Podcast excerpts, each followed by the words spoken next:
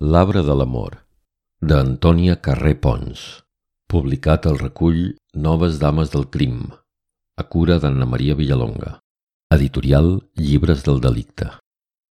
Narradora Maribel Gutiérrez. Violet Maria Josep Morgado. Frederic Miquel Llobera. De En veu alta, enveualta.cat. Música I've Got You Under My Skin, de Frank Sinatra.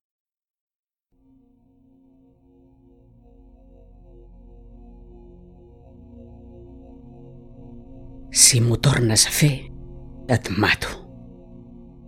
La frase li ressona al cervell mentre sosté la pistola apuntant a terra.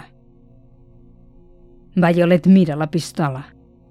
Després aixeca el cap i contempla el panorama que li ofereix la connivència amb una vida sense mancances la filera vermellenca de Red Bulls i sanguinyols florits que marquen el límit de la finca allà, al lluny, la gespa immaculada, la mansió de línies racionalistes, l'aigua blava de la piscina olímpica, Frederic en banyador, ajagut a la gandula, moll, amb un còctel ataronjat a la tauleta del costat i un forat de bala al mig del front.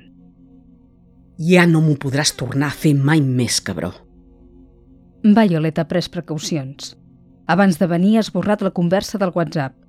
Per no deixar rastre, ha de localitzar també l'iPhone de Frederick, que no ha de ser gaire lluny, i fer-hi la mateixa operació. Violet es mira el tors musculat per tantes hores de gimnàs, el banyador negre, senyit, les cames poderoses, els peus grans, els braços modelats que pengen, el palmell de la mà blanquinós. S'hi acosta, Estira la mà que li queda lliure per acariciar la pell que tantes vegades ha resseguit amb els seus llavis espessos. Passa els dits pel pit i les costelles del cos atlètic que geu en silenci. S'atura a l'alçada del malic i posa un dit enguantat, vermell. Mira al voltant. Veu les ulleres de sol de Frederic al costat de la copa, el paquet de tabac a la vora de l'encenedor i el mòbil a terra entre la tauleta i la gandula. Violet s'ajup i l'agafa. Sap que Frederick no hi té cap codi protector. Així és que amb el moviment de l'índex desbloqueja la pantalla. Quan mira el registre de trucades i veu que l'última és de fa uns minuts i que porta el nom de Catherine, Violet sent brillar de nou la ràbia que la xucla. Catherine. Catherine. La relació amb Frederick era perfecta fins que va aparèixer Charlotte. Violet es mira els guants vermells que li va regalar Frederick el dia que va tastar per primer cop els seus llavis. El vermell et queda molt bé. Fa joc amb la intensitat dels teus petons i contrasta amb la teva pell fosca. M'agrada tenir el teu cos perquè és fort i dúctil, potent i tendre. Saps que és igual que Serena Williams? Però segur que ja t'ho han dit molts cops, això, Violet. Potser a Charlotte també li buscava semblances en famoses. Potser Frederick trobava que s'assemblava a Hellberry.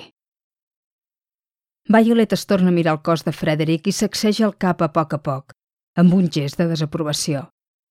De seguida es va adonar que entre Frederick i Charlotte passaria alguna cosa des del dia que els va veure junts per primer cop quan parlaven en un racó discret de la sala on els executius de les dues multinacionals celebraven la signatura del contracte de col·laboració amb les seves parelles la manera que tenien de sostenir les copes, la manera de mirar-se i de somriure's. Tot va fer-li sospitar que caurien l'un en els braços de l'altre. Violet no es va creure les paraules vehements de Frederick, precisament perquè la justificació va ser expressada amb massa vehemència en la primera trobada a soles, quan Frederick li va assegurar que no hi havia res entre ell i Charlotte, que era la dona del president de l'altra multinacional i que ell només hi havia sigut amable perquè ho exigien tant al seu càrrec com els 200 milions de dòlars que hi havia en joc. Mentre parlava, Frederick li feia mal al canell sense adonar-se'n. No havíem quedat que la nostra relació era lliure? Després de pronunciar aquesta frase, Frederick se'n va anar de l'habitació amb un cop de porta. Violet el va seguir amb uns quants crits estèrils de Cabró, cabró, ets un maleït cabró. Violet va travessar el finestral que donava al jardí amb els ulls vermellosos d'ira i va veure Frederick que es desfogava a la piscina. El cos desplaçava l'aigua amb energia rítmica. Des de la distància on es trobava Violet, Frederick era com una línia gruixuda de color xocolata sense llet que anava partint el líquid blau. Violet es va acostar i es va asseure a la gandula. Frederick va fer tres piscines més i va sortir de l'aigua impulsant-se amb la força dels braços. Ja t'ha passat l'atac de gelosia? Li va preguntar mentre s'aixugava la cara amb una tovallola blanca. No suporto que hi hagi més dones que jo a la teva vida, Frederick. Almenys tingues la delicadesa de no refregar-me-les per davant del nas. Jo no refrego res perquè no hi ha res a refregar. Charlotte és l'esposa del president i això és tot. Va, anem a nedar. Frederick va llançar-li la tovallola amb un gest amistós. Violet es va treure la bata de seda groga i tots dos van saltar l'aigua amb un moviment simètric que va traçar dues corbes impecables. La relació entre Violet i Frederick va continuar. Es van tornar a prometre sexe etern. Es van jurar que mai no canviaria el que hi havia entre tots dos. Violet va esmentar Charlotte amb la boca petita. Frederick li va tapar amb la mà i el somriure. Si m'ho tornes a fer, et mato. Li va dir Violet mentre li ficava la llengua pels cartílegs de l'orella. No diguis bestieses. Saps que no hi ha res entre Charlotte i jo li va respondre Frederick amb un estremiment de plaer i de desig. Fins que va aparèixer Olivia. Fins que va aparèixer Susan. Quan Violet va descobrir l'existència de Susan, va colpejar amb els punys closos al pit de Frederick mentre ell anava donant raons que ella no es volia creure. La ràbia la va empènyer a fer saltar pels aires la coctelera i les copes mig plenes, a foragitar per la finestra els coixins del sofà, Frederick la va deixar fer, impassible. Aquesta és l'última vegada, Frederick. Si m'ho tornes a fer, et mato. Violet va abandonar la mansió de Frederick de pressa, sense girar-se a mirar com s'estava allà pel plantat, vestit només amb el banyador negre, mig recolzat en el to púrpura del pòrfir de les columnes dòriques del porxo, amb un deix de condescendència enganxat als llavis. Violet va saltar dins del descapotable com a les pel·lícules i va conduir rebent per les amples avingudes. Protegida pel volant, Violet pensava. Podia comprendre i tolerar moltes coses, però no que Frederick l'enganyés amb altres dones. Compartir Frederick amb altres dones no era una cosa raonable. Des del començament, Frederick li havia demanat que la seva relació havia de ser secreta i Violet va acceptar la condició perquè li va semblar raonable. La vida matrimonial de Frederick era confortable a nivell emocional i econòmic i social. Hamilton, el seu marit, no havia de saber mai que ell mantenia relacions esporàdiques amb ella perquè ella li oferia coses que Hamilton no podria oferir-li mai. Les seves trobades no tindrien res a veure amb l'amor, li va argumentar. Amb ella tot seria sexe. I del bo. Hamilton era una altra història i n'havia de quedar al marge. Violet i Frederick es veurien regularment un cop cada tres setmanes a la mansió de Frederick i Hamilton, quan Hamilton no hi fos ni tampoc no hi hagués ningú del servei. Durant unes hores tindrien la mansió, la piscina i el jardí per a tots dos sols.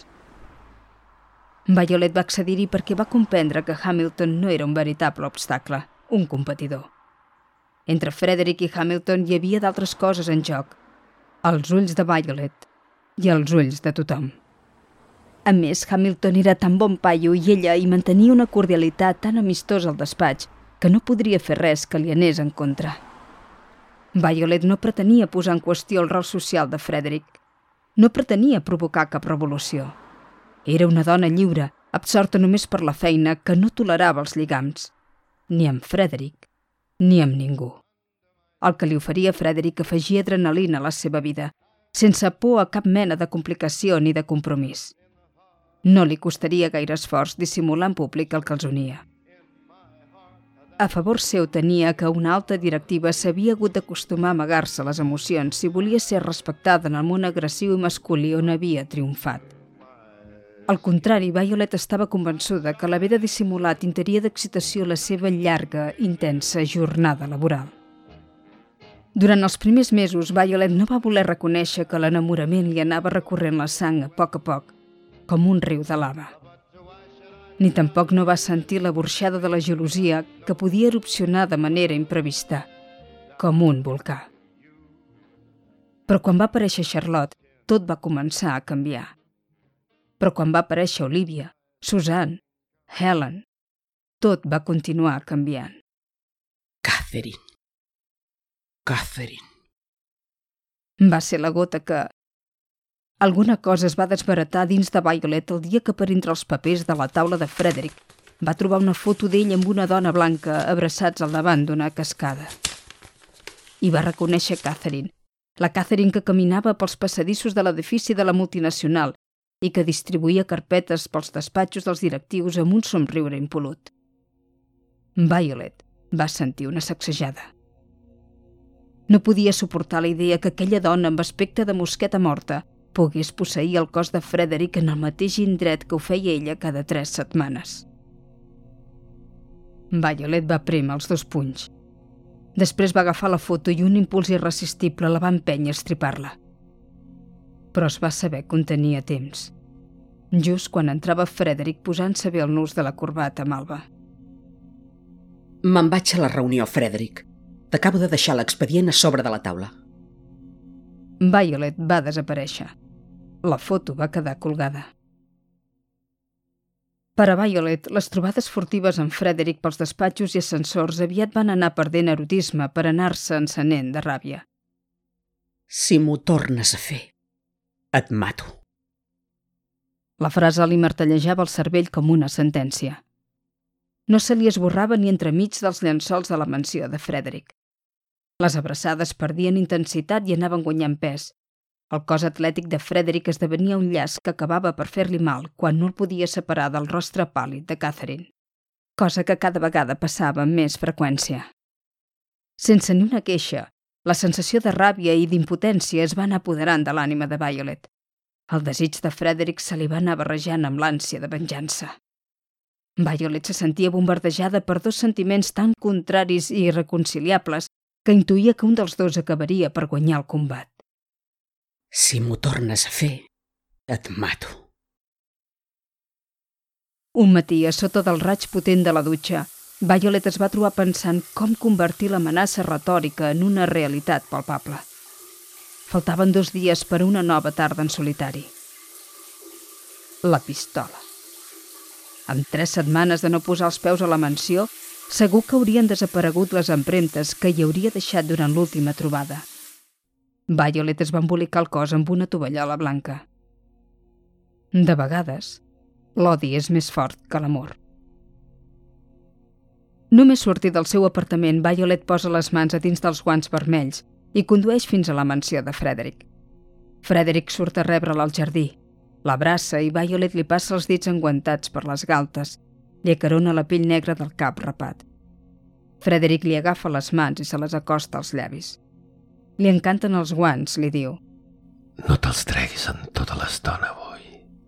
Vull veure't nua, només amb sabates i guants. Un esquadró de pelicans sobrevola la piscina olímpica. Frederick i Violet se'ls miren abans d'entrar a la mansió. Prenen una copa. Els ulls en els ulls. Se somriuen. Frederick condueix Violet cap a l'habitació. Li demana que s'estigui quieta mentre ell la despulla, a poc a poc. Després es despulla ell i la geu al llit amb un àgil placatge. Fullen com animals. Frederick es posa el banyador negre i anuncia que surt a nedar una estona. M'acompanyes? Violet respon que sí, però que necessita uns minuts més de repòs. Des del llit veu Frederick com es llença a la piscina i com la travessa dos cops. Frederick surt de l'aigua, fa un glob del còctel ataronjat que l'espera a la tauleta i s'estira la gandula.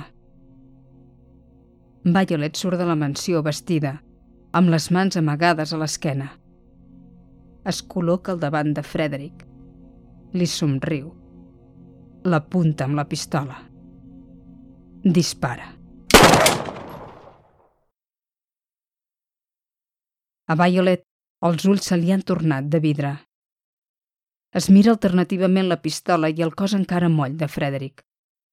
Entra dins, agafa la bossa i posa la pistola i travessa la gespa immaculada fins que arriba al límit de la finca. Obre la porta del descapotable, llença la bossa al seient del darrere i s'asseu al volant amb moviments autòmat. Posa la clau al contacte, la gira, el motor no s'engega. Ho torna provat. Tampoc. I torna. Ara sí. Entra a la primera marxa i arrenca a córrer d'una estrabada. Encara no s'ha acabat la filera vermellenca de sanguinyols florits i Red Bulls, l'arbre de l'amor, que es creu amb un cotxe esportiu de color plata. Hamilton toca el claxon. La saluda amb la mà.